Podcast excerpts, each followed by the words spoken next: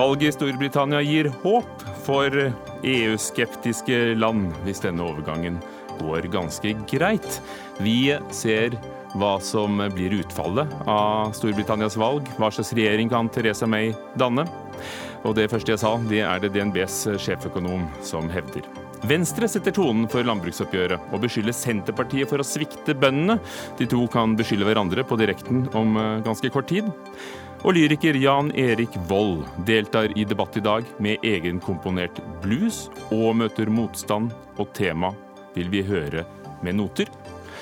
Kroppen etter døden er også tema i dag. Den er på utstilling i Trondheim. Det er smakløst og mangel på respekt, sier en av våre fremste rettsmedisinere.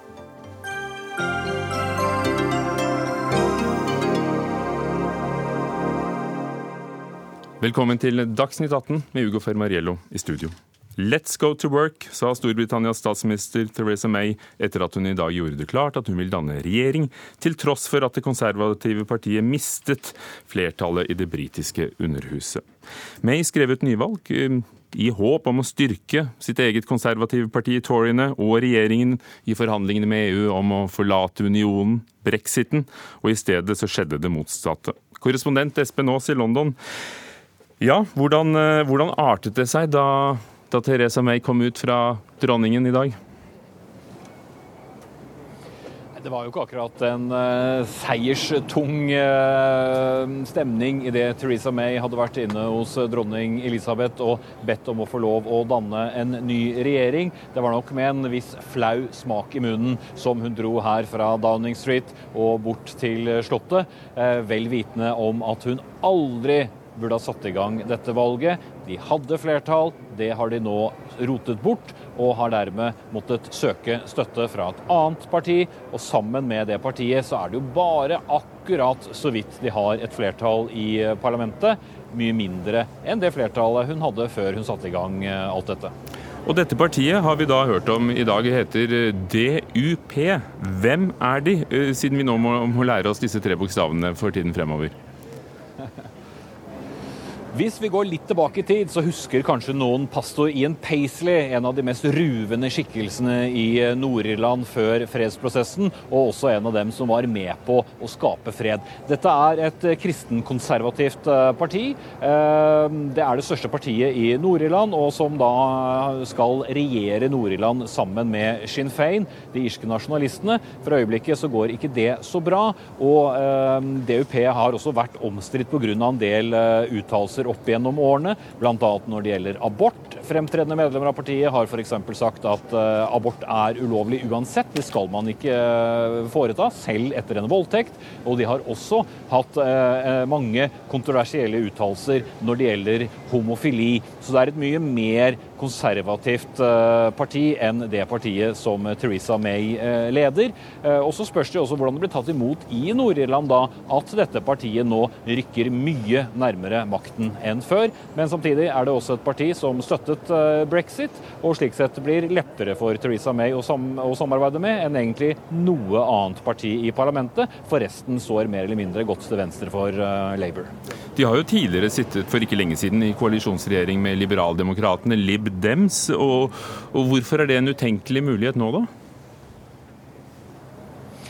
Vel, Liberaldemokratene hadde vel knapt sett den valgdagsmålingen i går før de eh, slang ut en melding på Twitter. Eh, nå er det mye pågang fra journalister her, men bare for å gjøre det helt klart. Vi skal ikke gjøre noen avtale, og vi skal ikke ha noen koalisjon. Så den døren ble ganske kjapt smelt rett i fjeset på Theresa May. De tapte mye på å være i koalisjon med de konservative sist, hvor de var små. Fikk mye juling, delvis eh, selvforskyldt fordi de måtte bryte noen valgløfter. Men eh, de falt jo enormt eh, under valget i 2015. De har tatt igjen noe nå, men har en lang vei å gå. Og så nok at det å skulle gå i koalisjon med de konservative en gang til hadde hadde de lite å hente på. Også fordi de har helt motsatt syn på EU. De er veldig pro EU, mens eh, de konservative nå har vedtatt at de er veldig imot EU, selv om deler av partiet fortsatt er eh, positive når det gjelder EU-medlemskap. Og der får de altså følge med, med nordirene i, i dette DUP-partiet. Det er overskrifter verden over som at valget etterlater Storbritannia splittet og forvirret. Hva sier dem du, de du har snakket med i dag? Jeg har vært nede i en uh, spennende valgkrets for så vidt i, i Sør-London, i Croydon, som de konservative stort sett så vidt har klart å holde år etter år. De tapte den da Tony Blair hadde sitt kjempevalg i 1997, men ellers har de klart å holde på den. Men nå røk de på en kjempesmell, og Labour tok over den.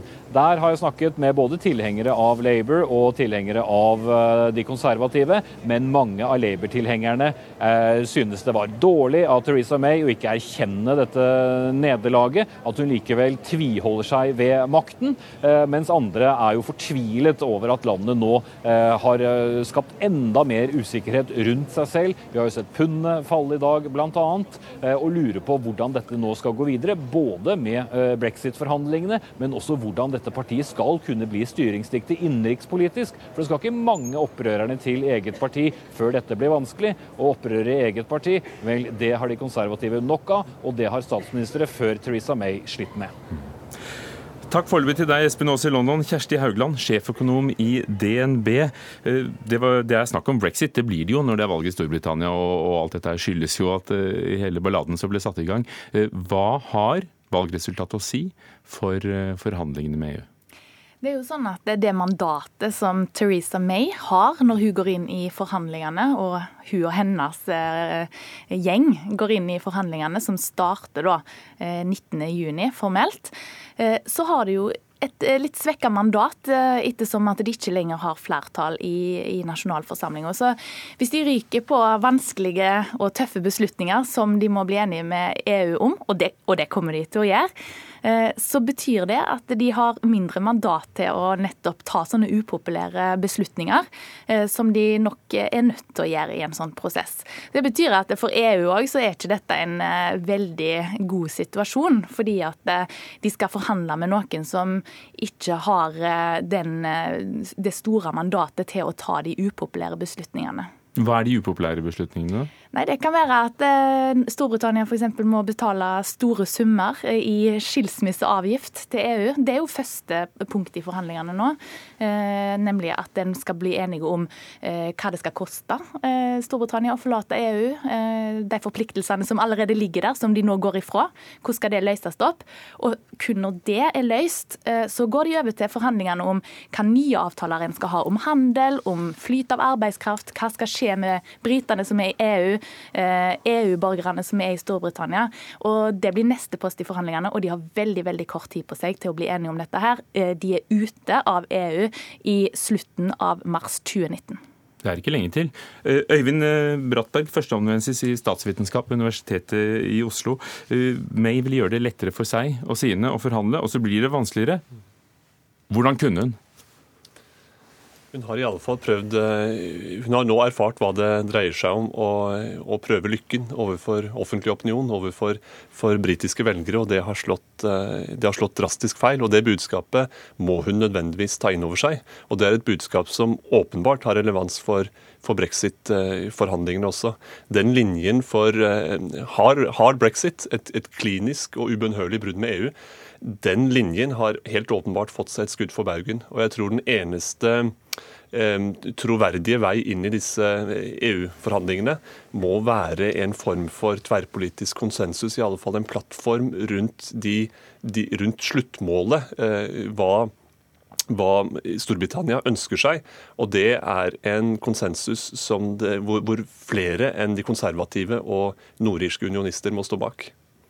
Samtidig så gir det vel da et tydeligere bilde på, på, på stemningen i landet. Hun, hun, vet mer hva hun har å, å, å gjøre med? Hun vet eh, i alle fall at, at, eh, en ganske stor andel av velgermassen ønsker en, en mykere form for, for, brexit enn det hun har lagt opp til. Og det er interessant at begge ytterpunktene i brexit-debatten har, har, blitt svekket ved, gjennom denne debatten. UKIP, altså britiske uavhengighetspartiet, er så å si utradert. Og liberaldemokratene, som har ønsket en ny folkeavstemning, eller, eller, å reversere hele greia, har ikke eh, fått spesielt gjennomslag. Så det er den, den moderate, mykere, komp mer kompromissorienterte tilnærmingen til brexit som, som, står igjen som det tydeligste budskapet. Og Her sitter vi selvfølgelig som også et land utenfor EU og snakker om brexit. Men hvor mye Kjersti Haugland, har det handlet om brexit? Vi hører jo også at dette valget handler jo faktisk også om, uh, i hvert fall for Labour, uh, helsevesen, universitetsutdannelse til alle osv. Ja, det er, jo et politisk valg utover eh, brexit-forhandlingene. Det er klart. Eh, og Theresa May klarte jo å gjøre seg litt eh, upopulær med å foreslå en skatt som ble heitende på folkemunne demensskatten i, i i eh, oppkjøringa til valget her. Så det er jo et valg mellom to forskjellige politiske linjer. og Storbritannia har f.eks. Eh, lenge vært eh, nødt til å stramme kraftig inn i finanspolitikken. Under Labour så er det nok duka for en, en litt annen miks av politiske tiltak, bl.a. store skatte Skatteøkninger kan komme på bordet, men òg mer bruk av offentlige penger over budsjettene for å, for å liksom holde den britiske økonomien i gang. For Samtidig som vi sier at uh, Labour har gjort det bra, og, og lederen ba May om å, å, ta sin hatt og gå tidligere i dag, uh, så har jo Labour tapt, og, og, de konservative fortsatt vunnet valget. Det er Noe av det, det pussige her er jo at, at begge partier har, har, gått frem, og de har, har uh, utradert mellomstore og små partier. Det er første gang på nesten 50 år at, at tredje største parti ikke har nådd, ikke har nådd 10 prosentpoeng. Det er en, en retur til en toparti Eh, topartiløsning. og Det betyr jo at med 42 eh, så har jo også de konservative gjort, eh, gjort det sterkt. Men likevel så fremstår statsministeren som en ydmyket leder i, i dag. Hvilket håp gir dette for andre land som står foran valget i år? Nei, altså Det som er spesielt, eh, er jo at eh, proteksjonismen, altså, altså disse kreftene, eh, anti-EU-kreftene, er ganske sterke rundt omkring i Europa. Og hvis, Italia, I Italia, ikke minst. De skal ha valg innen ganske kort tid. Store, store deler av velgermassen ønsker å ha et anti-EU-parti til makta der. Og det er klart at Hvis brexit ender opp med å bli en veldig mjuk affære, en veldig sånn grei avtale for britene, som ikke koster de mye, så kan jo det gi næring nettopp til de, eh, de delene av eh, valgmassen i Europa som ønsker at landet skal tas ut av EU. Så det er en, eh, det er en litt blanda følelse EU-toppene nok sitter med nå. Espen Aas i London, hva med Teresa May? da? Jeg hørte en kommentator si i England i dag at hun sitter nok knapt ut året. Nei, Det er jo mange som tviler på at hun kommer til å leve særlig lenge. For å sitere en av hennes egne partimedlemmer, partiet har ikke nå bare skutt seg i foten, de har skutt seg i hodet.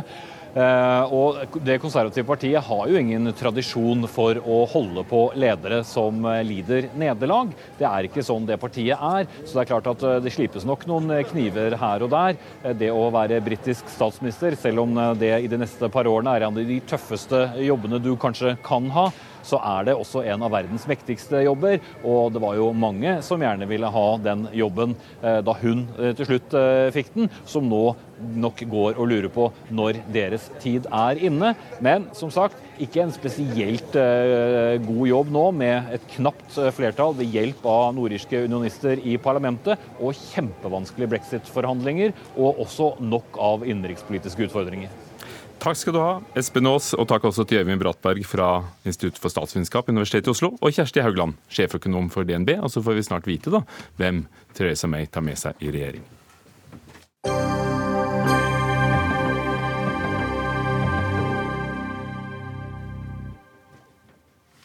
Til hjemlig politikk landbruksoppgjøret, som har tatt en overraskende vending i løpet av dagen. I ettermiddag kom Venstre med sitt eget forslag om hvor mye penger bøndene skal få. Og det skjer etter at Venstre først brøt med regjeringspartiene, og i går kveld brøt med opposisjonspartiene. Lars Nehru Sand, politisk kommentator her i NRK. Vi tenkte Før vi går til debatten, kan du eh, med enkle ord forklare oss hva som har skjedd? Det begynte jo med at eh, da staten og bøndene forhandlet om dette, så brøt bøndene og sa at 550 millioner kroner var for lite penger. Og da sa Frp og Høyre til eh, hele Stortinget for så vidt at det var viktig at Stortinget ikke ga bøndene noe mer penger, fordi eh, da ville man bryte det som var kutymen, og man ville lære bøndene nærmest at det lønte seg å ikke ta landbruksministeren så alvorlig, og, heller gå til Stortinget, for der ville man få mer rett før et valg. Men på Stortinget så sa Venstre og KrF at de ikke ville støtte statens tilbud, for de mente det var så dårlig at man var nødt til å bryte denne eh, kutymen eller vanlig praksis. Så Venstre og KrF gikk sammen til Senterpartiet, Arbeiderpartiet og for så vidt også SV og snakka da om å lytte til bøndene eh, og få til en betydelig økning, sånn at bøndene kunne ha en sjanse til å ta igjen den inntektsutviklingen som man har hatt ellers i samfunnet. Mens i går så brøt Venstre med resten av opposisjonspartiene fordi man mente at man økte Eh, bevilgningene til bøndene for mye, og at det ble for mye mer. Eh, og nå får de da støtte fra Frp og Høyre om å øke litt, men ikke veldig masse. Eh, så da sitter vi igjen da med at Frp og Høyre, som ikke ville gi mer, ender opp med å gi litt mer. KrF, som brøt med regjeringen, får ikke noe flertall. Ap og Senterpartiet, som så muligheten til å påføre regjeringen et nederlag, ikke lykkes med det fylt ut. Og Venstre har brutt uh, to ganger, og nå har en avstand til opposisjonen likevel. Og bøndene som brøt, håper å få mye mer, men får litt mer. Trine Skei Grande, leder i Venstre. Hva var det dere ville med dette? Nei, Vi syns at 410 var for lite, og vi sa klart ifra til regjeringa om det. Vi hadde nok da en tanke om hvor vi burde ligge hen, eh, og vi prøvde å få til et flertall sammen andre veien. Eh, der eh, var det mange ting vi var uenige om. Vi var både uenige om at man f.eks. går inn og nå øker prisen på melk. Det tror jeg er dumt. Vi bør øke forbruket av melk, og ikke minske forbruket. og Det vil føre til en stor overproduksjon. Det andre var at man ønska å øke arealtilskuddet så mye at man har utarma norsk distriktslandbruk. For å forklare det veldig enkelt. Eh, hvis du da tar og flytter for mye av arealtilskuddet, øker arealtilskuddet for mye i de sentrale strøkene, så vil det lønne seg å starte med dyreproduksjon der. Det vil føre til at alt det som har vært distriktslandbruk i Norge, som handler om mye om eh, å holde kyr og sauer og alt det, plutselig flyttes til de mer store strøkene. Så det handler for dere både om penger, hvor mye, men ja. også om hvordan. Ja, og så Derfor så ville vi vi ville følge opp det som vi sa i landbruksmeldinga. Vi ville støtte det små og mellomstore bruk. Vi vil sørge for at inntektsutviklinga eh, blir bedre hos bønder enn hos andre grupper. Det leverer vi her. Eh, vi leverer også da et eh, godt tilbud til bøndene. Og når uh, Lars Nehru Sand kaller det litt, når vi går fra 410 til 625 For det er det tallet dere kom med i dag? 625 ja. millioner vi, kroner. Vi har jobba hele natt med å prøve å finne, finne, en økonomisk ramme som passer de politiske målene vi har satt oss, og som vi gjorde i, i landbruksmeldinga. Og for oss er det viktig å ta vare på de små og mellomstore brukene, og sørge for at vi ikke får veldig mye høyere melkepriser i Norge når vi skal gjennom en, en omstilling også også på det området.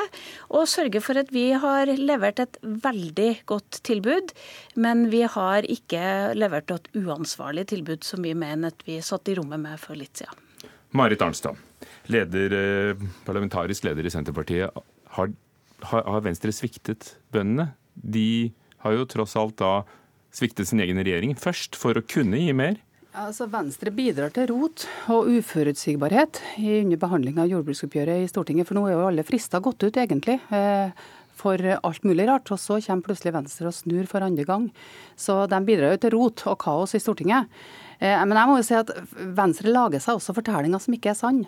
Det var aldri sånn at det var mange krav i de forhandlingene. Vi hadde ett krav i de forhandlingene, og det var en inntektsramme på 790 millioner kroner.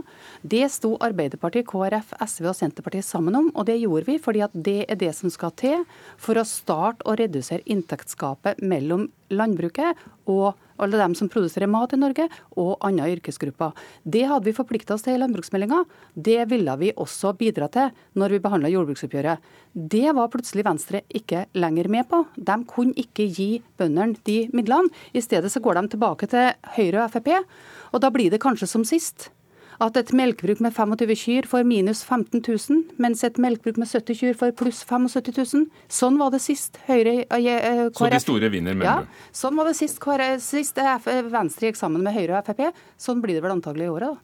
Trine Skei Grande, dere syntes 770 var uansvarlig mye, men, men, det virker som dere har funnet en bakvei til å komme nesten dit dere òg, for 625 millioner kroner på budsjettet. Men så sier dere at 130 millioner kroner vil bli fordelt fra uh, landbrukets uh, utviklingsfond, altså landbrukets egne penger. Og da, da nærmer dere dere jo det er ikke bare, er ikke bare friske penger. Så, og det, jeg tror det blir veldig rotete å snakke om det for dem som skal prøve å følge debatten. Men ja, det er ikke lett. Nei, dette er ikke veldig lett. Men jeg prøver å se litt om det som Marit Arnstad sa. For jeg skjønner at Senterpartiet ligger helt på bøndene sine krav, og det er valgår og, og, alt det. Og jeg er ikke så forundra over det. Jeg er mye mer forundra over at Arbeiderpartiet henger med på, på det løpet. For det som vi nå gjør, er at vi leverer et tilbud som er bedre enn det Senterpartiet gjorde i regjering tre av fire år tre av fire år når man satt i regjering, så leverte man dårligere enn det vi nå legger fram når vi legger fram Venstres primære forslag. Og når Senterpartiet satt i regjering, så sa de at det var uansvarlig å ikke støtte statens tilbud, for da undergraver man forhandlingsinstituttet. For Venstre så har det vært kjempeviktig å holde forhandlingsinstituttet.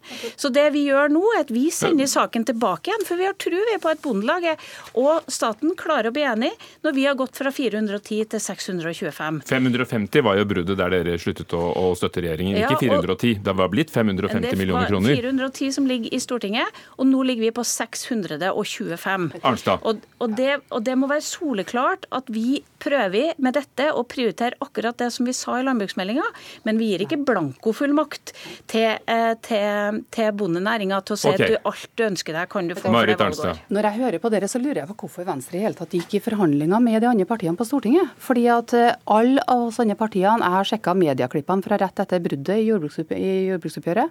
Alle vi andre partiene snakker om at vi vil opp på et kronemessig nivå som gjør at du kan redusere inntektsforskjellen mellom dem som produserer mat i Norge og andre yrkesgrupper. Så jeg skjønner altså ikke hvorfor at Venstre gikk inn i det. Og hvis nå Venstre skal komme og si at de skrev merknaden der, så er det helt feil, for den er skrevet av saksordfører Geir Pollestad fra eh, Senterpartiet. Men altså, Og omsorgen for forhandlingsinstituttet skjønner jeg heller ikke. Men Marit Arnstad, var det ikke i denne landbruksmeldingen også merknad fra SV som tok til orde for at tillegget måtte være i kroner? Og den stemte ikke, dere, den stemte ikke dere for? Vi har en, vi har, vi har, det er riktig det at vi var en flertallsmerknad, mm. men vi har jo i ettertid tolka den merknaden og sagt nokså klart ifra fra alle de fire partiene som Venstre forhandla med, at dette handler om kronemessig likt for dem som produserer mat og andre. Det er det første. Og så må jeg få lov å svare på forhandlingsinstituttet og omsorgen for forhandlingsinstituttet. For Venstre har jo tidligere vært med på å gjøre avtaler på Stortinget uten at de mener at det har uh, trua forhandlingsinstituttet. Her sitter de med avtalen fra 2014. Den er så detaljert som bare det. Det er tilskudd til fruktlager og arealtilskudd til korn, og det er tilskudd til grønnsaker og frukt og kjeslakt og alt mulig rart. Fra Stortinget. Sånn at det, det her er omsorgen for forhandlingsinstituttet. For deres si at den skal være trua, det er bare tull.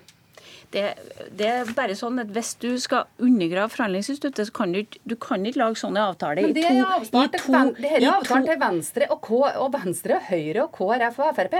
Kan jeg få lov til å fullføre setningen? Ja, bare Takk. Si det. Da kan du ikke gjøre det i to av fire år. Du kan gjøre det én gang, men du kan ikke lage det som en standard i Stortinget. For å... Og så må jeg bare... Nå... Et øyeblikk, Arnstad. Og så kan, kan, jeg få lov til å bidra med noen fakta inn her, for her setter jeg med komitéinnstillinga. I den komitéinnstillinga er det bare SV som mener at prosentvis inntektsfordeling er feil. Man gjør det krone for krone. Det at Senterpartiet har snudd fra den innstillinga som ble gjort for litt siden, det er en ærlig sak. Men jeg må ikke påstå at det er vi andre som har sprunget fra det vi har lova. Men er det et tolkningsspørsmål av hvordan landbruksmeldingen skal tolkes, dette punktet om at inntektsgapet skal, eh, skal men, men jeg, skjønner, jeg skjønner at det er valg for Senterpartiet. Jeg skjønner at de har behov for å gjøre Er dere uenige om tolkningen akkurat det i landbruksmeldingen? Nei, det er ikke mulig å tolke dette annerledes. Det var SV som foreslo kronevis den merknaden står SV alene for. Og så foreslår vi at komiteen Og det kan godt hende at det er dere som har skrevet merknaden. Den er kjempefin, og jeg står helt inne for den. Og der er det veldig klart, veldig klart at vi ønsker å utjevne de forskjellene. Det står ligger at komiteen har merket seg regjeringens ønske om å videreføre inntektsmålet for landbruket. Dette er et mål vi har hatt i mange okay. år. Mener og vi kommer forslag... nærmere enn når Senterpartiet satt i regjering. Og du og mener at det, det forslaget dere la på bordet i dag, det vil minske inntektsforskjellen forskjellene og leve opp til den merknaden? Ja, her er det Ja, klart at bønder får et bedre inntektsutvikling enn andre i det, i det norske samfunnet. Husk på, okay. folk har vært Marit Arnstad, veldig... jeg må jeg, må være litt hard med ordet her, merker jeg, hvis vi skal bruke minuttene våre. At Venstre nå fossror vekk fra et inntektsmål med kronemessig likt, det er for så vidt greit nok. At de nå vil stå på prosent sammen med Frp og Jon Georg Dale, det er greit. Det kommer ikke til å bedre inntektsforholdene for norske bønder. For nå vet på jo hvor dere alle står, si, så det- jeg vil bare uavhengig av hva som- Nei, jeg vil bare si at de kan eh, slå opp eh, medieklipp etter medieklipp etter landbruksmeldinga, i debatten om landbruksmeldinga, etter jordbruksoppgjøret og bruddet der. Og vi snakker alle sammen om kronemessig likt. Så hvis ikke Venstre har fått med seg det, så må de være rimelig tungnem. Det er også nevnt tusen ganger i de samtalene vi har hatt de siste to ukene. Og hvis Venstre var uenig i den premissen, så burde de ha forlatt forhandlingsrommet for to uker siden. Ja, jeg, jeg bare forholder meg til det som vedtakene som gjøres i Stortinget. Det at Senterpartiet snur på det, det kan ikke jeg forholde meg til. Jeg forholder meg til at vi når de målsettingene. Men de er, ganske tydelige på hva de mener, uansett Ja, hva som ble det- er skrevet da. Og det er helt lov å snu, selv om det ikke er så lenge siden vi behandla den meldinga. Men Der er det er. Kjedelig, Trine. Ja, men kjære. Marit, det er men står svart på kjære, du kan se over hvilket som helst avisoppslag og se hva, KrF sier, hva Senterpartiet sier, hva Arbeiderpartiet dere er ikke enig i den tolkningen, men dette forslaget kommer nå på bordet. Jeg sier takk for debatten. Lars Nehru Sand, politisk kommentator. Hva skjer med det forslaget som Venstre har lagt på bordet i dag? Er det det som vil få flertall og bli styrende? Ja, det vil såkalt få subsidiært støtte. altså Høyre og Frp vil primært stemme for sitt, men, men støtte Venstre til slutt. Sånn at det er det som får flertall i, i salen, og, eller i Stortinget. da. Eh, og da vil eh, landbruksministeren, og, eller staten og eh, landbruksorganisasjonene eh, få en beskjed om å lage et eh, opplegg som samsvarer med det vedtaket, både da i ramme, altså kronebeløp, og innretning, altså hva man skal prioritere å bruke penger på når man har gitt det beløpet man, man har. F.eks. å styrke de eh, små og mellomstore brukene, som har vært viktig eh, for opposisjonen. Har det vært et uvanlig år for jordbruksoppgjøret? Ja, det har det, og det er summen av mange ting som gjør det. Altså, En ting er nå Senterpartiets situasjon og det faktum at det er valgår, men, men det er også det faktum at man har denne eh, landbruksmeldingen som, som ble vedtatt i, eh, i år, så man har lagt noen langsiktige føringer eh, bare uker før man skulle eh, levere det, det kortsiktige eller årlige eh, oppgjør. Og det, det, man hører jo her at det har komplisert situasjonen noe, for å si det forsiktig. Eh, og det at man da gjør vedtak hvor det er åpen for tolkning i det hele tatt, viser jo at når man da ikke er eh, klare eh, når man vedtar den langsiktige politikken, så kan det bli vanskelig å operasjonalisere. Kan, det kan bli vanskelig å, å tolke det. Eh, og det er vel det som, som langt på vei har skjedd her. Og jeg tror i hvert fall ikke jordet videre og tilbake. Takk skal dere ha, alle sammen. Lars Nehru Sand, politisk kommentator, Marit Arnstad fra Senterpartiet, Trine Skei Grande, leder i Venstre.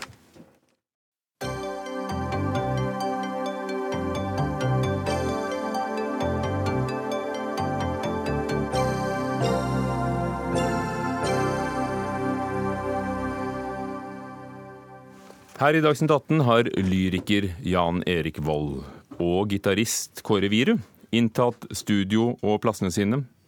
Neste debatt begynner her og nå med en blues. Blues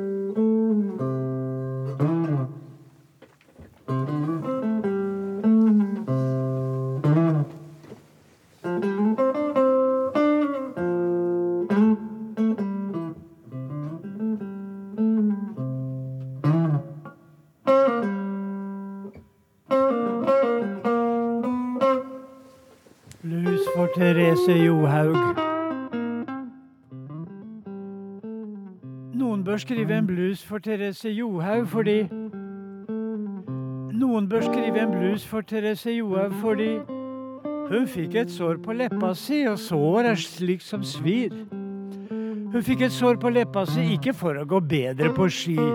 Hun fikk et sår på leppa si ikke for å gå bedre på ski. Hun fikk et sår på leppa si for sola i Alpene svir. Hun spurte doktoren sin, og doktoren han sa Hun spurte doktoren sin, og doktoren han sa Ta denne salven her du, Therese, så blir du snart bra. Therese tok salva og smørte på 3,5 gram. Therese tok salva og smørte på 3,5 gram. Men salva var gæren salve, det ble Therese skam. Skjønt det fikk jeg vite først etterpå, for leppa ble god som gull.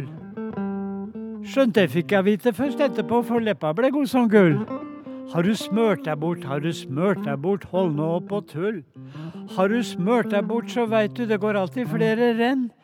Har du smørt deg bort, så veit du det går alltid flere renn. Legg på annerledes klister neste gang, og bare kom igjen. Men Therese får ikke gå på ski på måneder, kanskje år.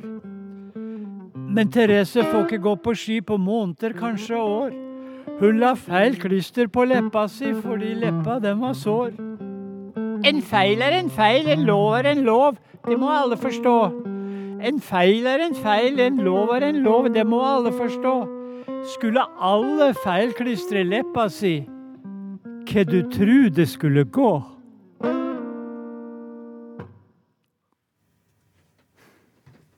Kåre Viru på gitar, Jan Erik Vold, og så var det Duke Ellingtons uh, låt. Things ain't what they used to be.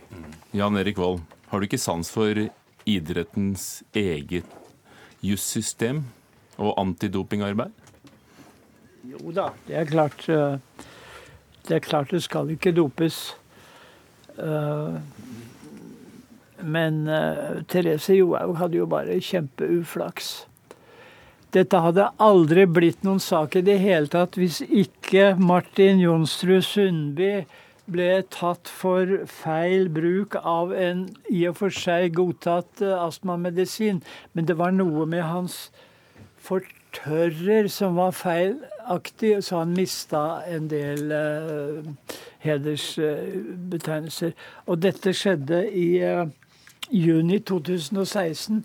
Og så kommer dette med Therese i oktober 2016. Først ett norsk egg, og så ett norsk egg til. Da liksom måtte Hadde dette med Sundby ikke vært, så tror jeg det andre hadde passert. Tom Statsberg, kulturkommentator og sportsjournalist, i hvert fall gammel sportsjournalist i Dagbladet. Er Jan Erik Volds blues et, et bilde på den norske folkesjelen? Å ja, han treffer nok den norske folkesjela. Og det vil jeg nok tro. Men samtidig så er det jo det er fint, og poesien kan brukes til alt. Poetic justice liker vi, men det er nok litt, vi gikk nok litt fort ned i pulken til Skiforbundet her, alle sammen. Mange. Og ikke så på en måte Hun avlegger en dopingprøve, så er vi tross alt det regelverket som er, så må du på en måte gå videre med det. Og Jeg leste en interessant artikkel i Dagens Næringsliv i dag om en, en professor i juss som skriver at kanskje denne saken her kan gjøre at du får um, vridd opp de reglene med minimumsstraff.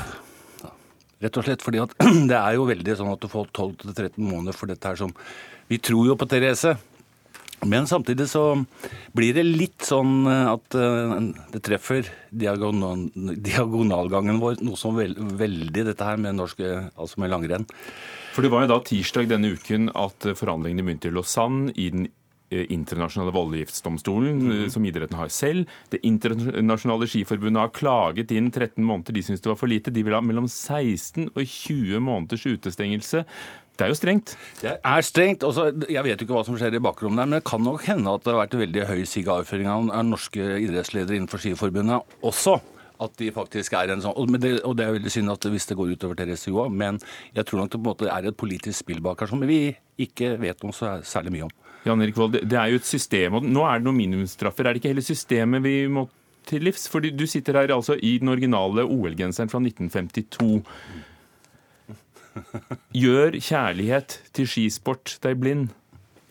Nei, nei, jeg er ikke blind. Er du gæren? Da hadde jeg ikke vært poet. Nei, nei, jeg, det er jeg som Er du klarsynt? Ja, nei, du bør ikke Ærlig talt, man bør ikke være klarsynt for å skjønne at Therese Johaug hadde kjempeuflaks, og hun var stressa, og, og, så sier legen ta den der, og hun har fått beskjed om å gjøre som legen sier, så gjør hun som legen sier, og så tar hun ikke og snur på baksiden av denne greia. Jo, men regler er noen regler. Ja, det er det, men det, det, jeg sier jo det. En feil er en feil, en lov er en lov. Det må alle forstå.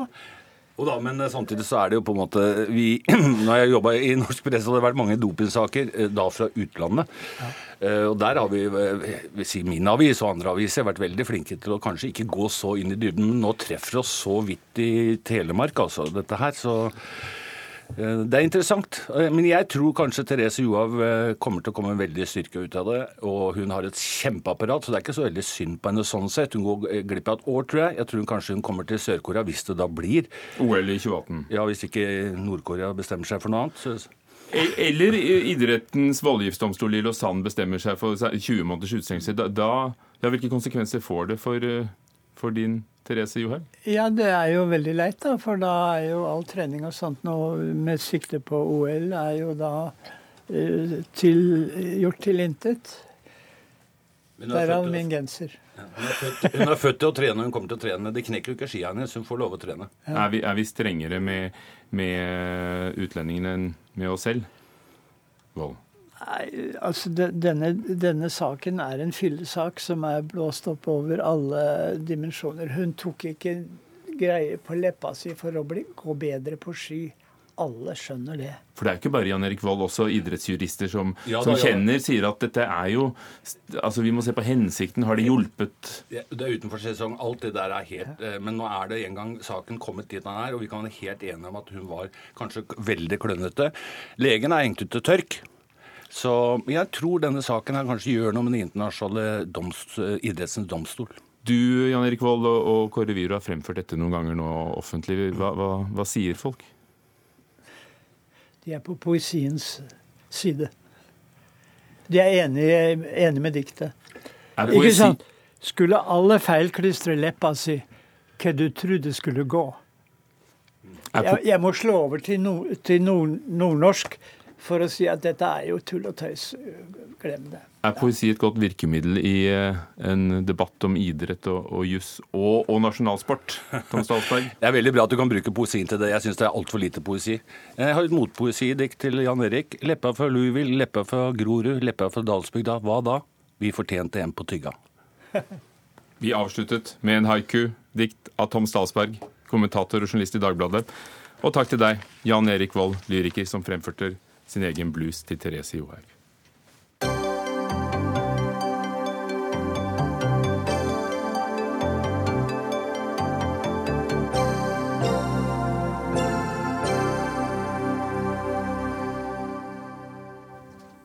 I Vestfold skal elever på videregående skole filmes når de sitter der på muntlig eksamen og grilles. Dette er i hvert fall planen hvis de får ja til en prøveordning. Og det skal være til hjelp hvis de kanskje skulle være misfornøyde med karakteren, for sånn som det er nå, så er det jo bare de to tilstedeværende på eksamen som vet hva som ble sagt, og derfor kan elevene heller ikke klage på karakterene som blir gitt etter en muntlig eksamen. Bjørn Kristian eh, Svensrud, leder i utdanningskomiteen i Vestfold fylkeskommune. Hvorfor bør man filme alle eksamener? Det virker jo ganske vidløftig. Ja, altså Muntlig eksamen. Ja. Det er en viktig presisering, ikke skriftlig. Nei, Det er rett og slett fordi at eh, for eh, Fremskrittspartiet, Høyre, KrF og Venstre i Vestfold så har det vært viktig å styrke rettssikkerheten til elevene. Og det er jo sånn at Rettssikkerheten i Vestfold er like god som i alle andre steder i landet. Men, men vi mener at det, det mangler noe for elevene når man ikke har en reell klagemulighet på muntlig eksamen. Eh, for det sier seg selv at det er vanskelig å på en måte klage på noe du ikke kan se igjen. Men det har man muligheten til hvis man filmer. Eh, og hvis man da filmer muntlig eksamen, så kan det være grunnlag for en eventuell klagesensur, så man da får en ny vurdering på det man leverte i muntlig eksamen. Og da styrker man rettssikkerheten til elevene. Du sitter jo da i Fremskrittspartiet og leder utdanningskomiteen i, fylkeskommunen i Vestfold. Eh, har du fått mange med deg på dette? Ja, altså dette er jo nå vedtatt av utvalget med Frp, Høyre og KrF. Og det her er jo på bakgrunn av et som vi, et verbalforslag som vi hadde i budsjettet eh, når vi eh, behandla budsjettet i desember. Eh, og så har vi fått saken på bordet nå og la inn at vi ønsket dette som en, en prøveordning. Men det er jo noen forutsetninger her. Det ene er jo at kunnskaps... Ja, vi, tar dem etter hvert. Okay, men, ja. men, la oss høre Nell Gålås Hansen, fylkesrepresentant, altså fylkestingsrepresentant for SV i Vestfold. Um, du er ikke begeistret for, for denne forsøksordningen? Nei, jeg syns For det første så syns jeg det er en feil prioritering av midler.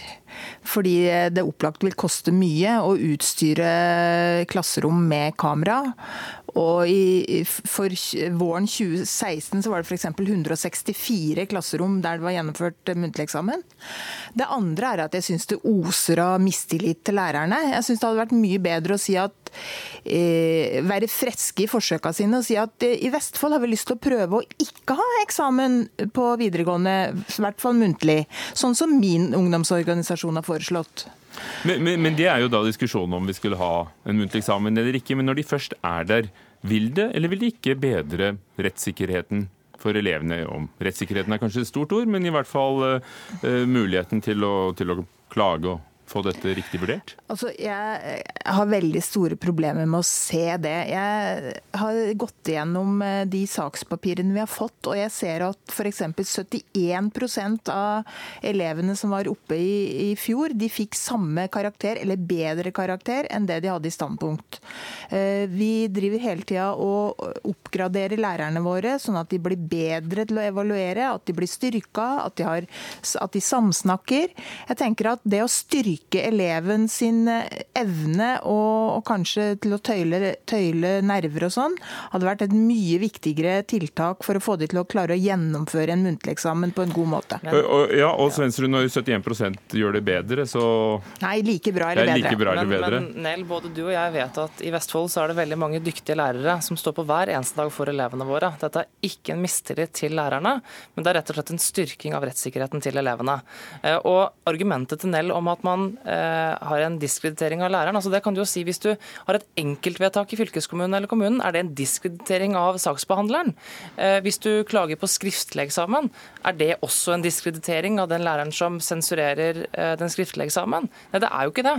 Dette handler om en reell klagemulighet for elevene en styrking av rettssikkerheten, som jeg også trodde at SV var opptatt av. Golles Hansen, på universitetene så har det i hvert fall som regel tidligere vært en ekstern sensor, og det ville i hvert fall vært dyrere enn å sette opp et, et videokamera i hvert klasserom? Ja, eksterne sensorer har vi jo alle muntlige eksamener i Vestfold har en, har en, eh, Eller i hvert fall de som ikke er privatister, har jo en faglærer som er eksaminator, og en ekstern sensor. Og når det er privatister, så er det to eksterne. Så det har vi jo virkelig. Det er ikke noe, det er ikke noe sånn vi så leker ikke. Det er det, ja. Svensker ja. holder ikke det, da? Nei, altså, altså Vi har det, som, som alle andre steder i dette landet. Men det er bare at man har ikke denne klagemuligheten. Eh, og I enhver en annen eh, sak hvor man eh, får noe vedtatt eh, eller noe på bordet fra en, en, en, offentlig administrasjon, så er det altså en klagemulighet. Eh, og Da er det veldig rart at elevene ikke skal få muligheten til å klage på muntlig eksamen. Eh, man, man, har muligheten til å klage på skriftlig, da burde man også få muligheten til å klage på muntlig. For meg så er dette veldig enkelt. Det handler ikke om diskreditering av læreren, det handler tvert imot om å styrke rettssikkerheten til elevene i Vestfold. Ja, jeg kan ikke være med på det. Altså for meg så du stemte jo imot, så det ja, jeg. Det gjorde jeg, og det gjorde jeg forrige gang også. og Det handler rett og slett om bruk av midler. Fordi at vi har en stram økonomi. Vi har klasser på, på 32-34 elever. Og, og Hvor mye vil de koste da hos dere i Vestfold? Der kunne det, vi gjøre noe. Det, Hvor mye vil de koste? Nei, så Kostnadsspørsmålet må, må, vi komme tilbake til når vi vet om Tror jeg ikke regnet på det, altså. Nei, vi må finne ut om vi får lov til det eller ikke. Kunnskapsdepartementet må jo først godta det, eh, at vi skal få lov. Og, og det må en lovendring til. Og så må vi Prøveprosjekt eh, tillater jo at man kan gjøre det. Eh, og så er man nødt til å se på personvernet, for det er veldig viktig oppi dette også. Ja. Eh, og deretter så har man muligheten til å gjennomføre det. Men, Men hvor kommer er... behovet fra? Har elever meldt dette fra ja, til elev... dere? Fordi de ja. Elevorganisasjoner har sagt til NRK tidligere i dag at de er, de er positive, men er det, er det sånn dere ja, altså, tok initiativ til det? Det er jo verdt å se på hva Elevorganisasjonen sier. De sier jo at dette vil gjøre Vestfold til elevenes fylke. Jeg syns det er veldig godt sagt av Elevorganisasjonen i Vestfold. Og jeg tenker at det, er, det viser viktigheten av at vi, av at vi gjennomfører dette. Men jeg må også si Vestfoldskolen er veldig veldig bra. Veldig mange dyktige lærere. Men rettssikkerheten må styrkes. Elevenes fylke? Ja, det hadde i mye større grad blitt elevenes fylke hvis de hadde hatt bedre tilgang til en lærer gjennom året. Og der, der, kan vi bruke, der kan vi bruke penger. Nei, vi har jeg... lærere per elev i Vestfold. Det vet du også like godt som meg. Vi har, veldig, vi, har, vi har, såkalt effektiv eh, bruk av midler. og Det betyr svære klasser og for liten grad mulighet til å drive individuell veiledning og, og tilpassa opplæring. Og denne debatten kan dere fortsette på kammerset i fylkestinget i Vestfold. Eh, og så får vi se om departementet sier ja til prøveordningen med filming av muntlig eksamen. Takk skal dere ha, Nell Gålås Hansen fra SV og Bjørn Kristian Svendsrud fra Fremskrittspartiet.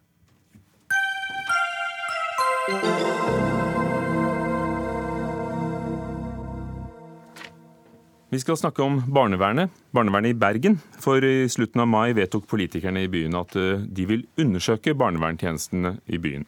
Helt konkret så fattet de 31. mai et eh, vedtak om en ekstern gjennomgang av minst fem enkeltsaker fra barnevernet i Bergen.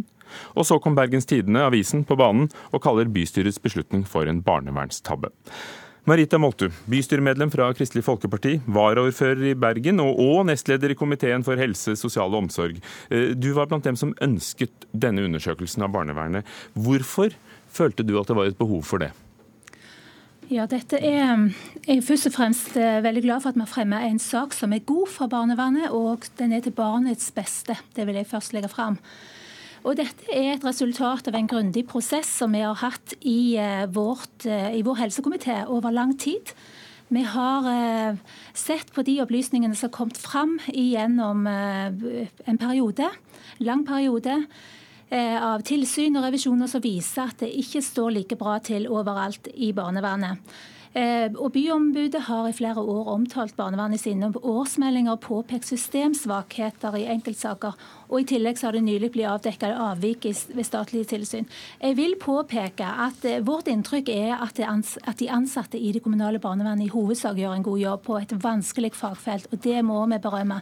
Men når vi likevel ser på disse, eller har disse opplysningene, sitter med den kunnskapen som vi nå har fått, så har vi et ansvar å følge det opp i helse helsekomiteen. Og det er akkurat det vi har gjort. Vi har eh, gjort det som eh, tidligere ikke har vært gjort, nemlig å se på disse sakene som muligens da har gått galt, og der konfliktnivået er høyt. Vi ønsker at noen skal gå inn og se nærmere på akkurat de sakene for at eh, for at barnevernet skal lære av disse sakene og få øvd opp sine ferdigheter til å gjøre en bedre jobb i framtiden.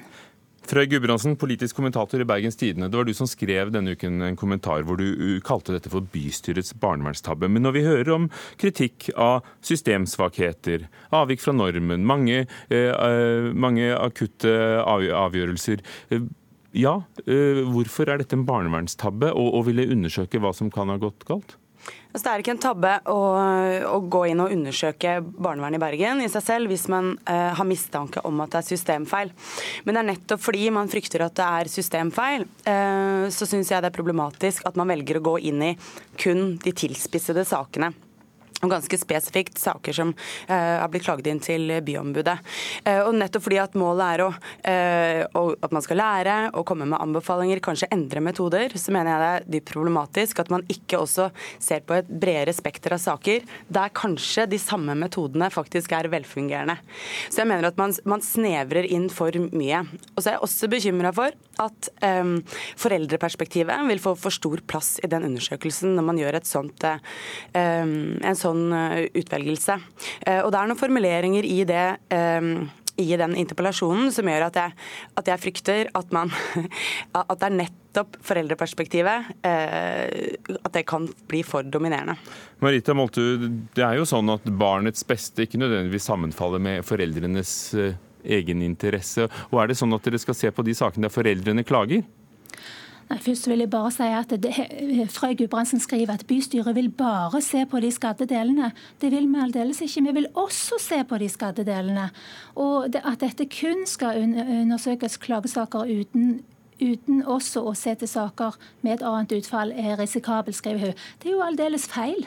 Vi skal se på alle typer saker. Og det som har vært skjedd, er man har sett på de sakene der det har gått godt. Vi har i ulike tilsyn sett på tilfeldige saker. Nå ønsker vi å gjøre det som, som ikke eh, er blitt gjort tidligere. Men hva er det å gå godt? Det er jo ikke nødvendigvis at de biologiske foreldrene er fornøyde? Nei, det er ikke sikkert, men det er jo foreldrene som klager. Og de er ofte bekymra på vegne av barna, og de tenker på barna de. Og her er det ufattelig mange varierte saker som kommer fram. Så, så jeg syns at denne artikkelen som, som, Frøy har skrevet, den er mer vinkla inn på én type saker. Og det er jo ikke det som er sagt her. Vi vil se på fem enkeltsaker. Men fem, minimum, er det nok? Minimum, har vi skrevet. Og det betyr vi, vi kunne gjerne ha tatt ti, men da hadde det vært feil. Eh, eh min oppfatning er at man vil ikke dette. Derfor blir antallet slått ned på. Det blir eh, andre argumentasjoner, og vi blir lett polarisert òg når vi begynner en sånn debatt. og Det syns jeg òg er uheldig. Jeg vet hva, Utgangspunktet for at jeg skrev om denne saken, det er at det var et usedvanlig høyt, høy temperatur i bystyremøtet da dette ble debattert. Altså, byrådet reagerte særdeles kraftig på dette forslaget. Og når Det er så, altså, det var ikke jeg som skapte den temperaturen, den var der. Og Da er det verdt å gå inn og se ok, hva er det egentlig som skjer her. Og så mener jeg at byrådet har rett i å være skeptisk til dette her. Og jeg mener at Det er nettopp, nettopp, det at man bare går inn i klagesakene som er noe av problemet. For det er så utrolig lett å konkludere feil når man bare ser på nettopp der det har tilspisset seg. Fre Fre Gudbrandsen, vi, vi, spurte selvfølgelig byrådslederen Harald Schjelderup fra Arbeiderpartiet om å være med som øverste ansvarlig for barnevernet i kommunene, men, men det kunne han ikke. Mm. Men, men hvis barnevernet har fått kritikk, ja. Eh, hvordan mener du at, uh, at, Bergen by best skulle grepet det an? Nei, altså, det kan godt tenkes at det er fornuftig å gå inn i enkeltsaker. Uh, men da bør man se på flere typer saker enn sakene der som har blitt klaget inn. Og nettopp fordi at noen av de de som er aller viktigst i dette, barna, eh, har lett for å, eh, at det er vanskeligere for dem å bli hørt. Og hvis man, Hele målet med dette her er jo nettopp å se om det er systemfeil, og se om eh, barnevernet bør endre sin måte å jobbe på. Og Det kan være veldig gode grunner til å gjøre det i Bergen. fordi helt rett, det har vært det har vært avvik i tilsyn osv. Men da er man nødt til også til å forsikre seg om at man også hører de stille stemmene, og også hører de som, de som da ikke blir klaget inn eh, til eh, byombudet. Marita Moltu, ja. hvordan skal dere høre de stille stemmene, og hva skal dere gjøre med resultatene av det, av det dere får vite? Ja, det er jo derfor vi vil ha inn noen eksterne som kan se på dette med friske øyne. Og vi må jo forvente at disse ser på sakene ut ifra barnets beste. Det er det som er intensjonen. Og informasjon er aldri farlig farlig. Tvert imot, det er en nytteverdi. Og mer kunnskap både for barnevern og politikere òg, og for en bredere offentlighet. Dette er godt for alle å få dette. Men i, det, i interpellasjonen så står det helt spesifikt at man skal undersøke nettopp med dager på ja. ja, vi kan dessverre ikke gå lenger i detaljene, men vi stoler på at debatten fortsetter i Bergens Tidende. Det gjør den. Der du er politisk kommentator. Og takk til deg, Marita Moltu, bystyremedlem i KrF i Bergen og, og varaordfører. Takk, takk for at dere kom, begge to.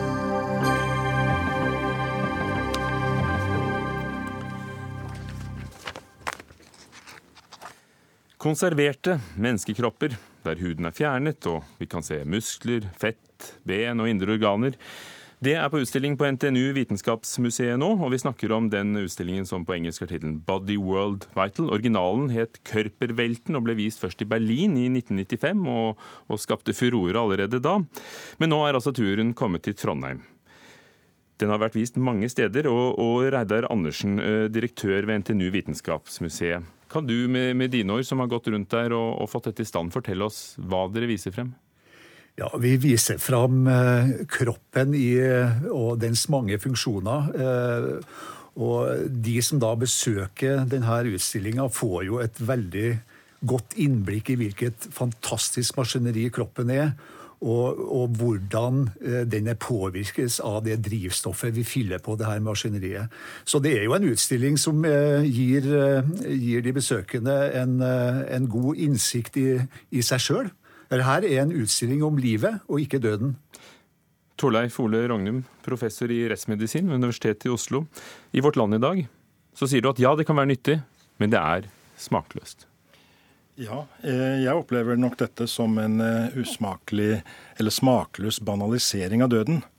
Jeg forstår at man ønsker å demonstrere livet men, eh, og hvordan det fungerer. Og jeg er veldig eh, opptatt av selv at eh, mennesker donerer sitt døde legeme for undervisning og forskning. Eh, vi har for få obduksjoner i landet. Medisinske obduksjoner har gått veldig ned. Og man, man trenger både altså kropper og organer for undervisning og forskning. Men dette syns jeg er en eh, popularisering, en, en, banalisering, en manipulering med døde kropper for å lage en slags popkunst. Slik opplever jeg det i hvert fall. Jeg føler at dette ikke er respektfullt overfor den døde kroppen. For eh, Reidar Andersen, ja. altså Det er jo da denne tyske Gunther van Hagen som eh, i 1977 oppfant mm. denne plassineringsteknikken. mm. Eh, og så lanserte disse utstillingene, som er en ganske kommersiell business. altså det, han, han, lager utstillinger som han selger til verden mm. over, mm. med iscenesatte kropper. Med litt ja. sånn gamle anatomiske tegninger hvor du ser alle scenene og det hele. men mm. Men det er sterkt? Ja, det er sterkt. Altså, det er helt klart. Men og jeg, jeg, må si at jeg, jeg følger Rognum har stor sympati og respekt for de holdningene han har som en, som en fagperson, en rettsmedisiner. Og Hvordan kan du vite at de som donerte, hvis de gjorde det, disse ja. sine, sine kropper, ønsket å stå og posere på en utstilling, og ikke, ikke ligge på et rettsmedisinsk institutt? Jeg skal si programlederen det, at det får de helt klare spørsmål om. Og jeg kan si også at av de 17 000 donorene som i dag står på liste, så er det 2-3% som har sagt at ja, vis mine organer, jeg syns det er fint å bidra på en måte her, men jeg vil ikke være utstilt i en, i, i en positur som er i en helfigur. Det er 3-4% av de 17 000 som sier det. Så, og, og, det respekteres selvfølgelig. Så akkurat den biten der, det er det er veldig greit. Og så må jeg da eh, si også at det er klart når, når NTNU Vitenskapsmuseet i, i, samarbeid med sine gode venner Vitensenteret og, og, Vitenskapsselskapet i, i, Trondheim gjør det her, så er jo ikke det det er jo ikke institusjoner som er velkjent for å drive spekulativ underholdning og sirkus. Vi men du er vel ikke blind for det faktum at du klarte å trekke 500 folk på åpningsdagen? Nei, men det er, det er ganske enkelt. Altså, vi håper jo å, å, trekke mange, mange, mange tusen til det her, fordi at vi er helt sikre på at eh, ja, det vil skape debatt og undring, men det vil jo gi også en så voldsomt ny kunnskap om sin egen kropp at eh, ja, vi, vi syns vi har vært heldige som har fått det her i Trondheim. Og det er jo med å, å, bygge opp under et av de fire tematiske områdene, nemlig helse, som NTNU skal satse på nå eh, okay. knallhardt i ti år. Ragnum, hvis folk selv donerer sin kropp, vel vitende om at det kan brukes til, til dette, Eh, for det er jo etter hvert blitt et kjent prosjekt eh, over store deler av verden. Hvorfor er det da respektløst? Det er litt respektløst for det første overfor de som da, selv om de har samtykket, donerer. Fordi at eh, noen mennesker må beskyttes mot seg selv. Og Men noen er jo med i Big Brother og ja, Paradise Hotel også? Og, ja, absolutt. Og, og ja, det, det, har vært leger som har sett dette, som har sagt at de følte det som en slags eh, postmortal narsissisme. Altså det å liksom eksponere seg også etter at man er død. Det er kanskje at eh, det ikke skulle Kanskje man skulle, selv om det er lovlig, kanskje man skulle si at eh, det ikke er riktig. Ja, Hvor lovlig er det? Altså, det er jo strenge lover i forskrift om obduksjon og avgjøring av lik, og obduksjonsloven. altså Vanligvis så skal jo lik alltid ha, ha navn og nummer. Det er veldig strengt regulert hva du kan gjøre med et lik. Hvorfor er dette lovlig? Nei, det, det Stikkord her er vel samtykke. At disse har samtykke til det. Men jeg mener altså at de kanskje skulle vært beskyttet mot seg selv.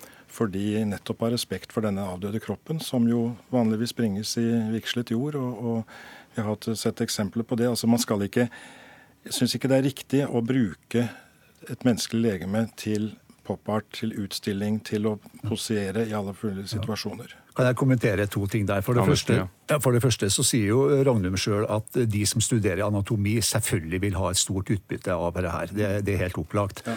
Uh, og, og, vi tror også at de som Men de blir utsatt for dette uansett på universitetet? Uh, ja, men som Ragnum sier sjøl, at uh, det å få tilgang på gode nok preparater osv. har gått dramatisk tilbake de siste 30 år. Og, og ikke at dette her er tatt inn i utstillinga for å gjøre noe med det, men i hvert fall så er det også flere enn anatomene som, som, og de som studerer anatomi, som kan ha stor glede nedover her. For det andre så er det faktisk sånn at uh, når den utstillinga her ble vist første gang i 95, og det var ikke i, uh, i, Berlin, tror jeg, men det var faktisk i Japan, og etter den tid så har jo, jo utstillinga utvikla seg. Og det er faktisk på bakgrunn av de tilbakemeldingene som har kommet fra publikum. De første utstillingene var til kanskje forveksling lik et laboratorium, hvor da de døde kroppene lå som en død kropp, og bare det som en død kropp.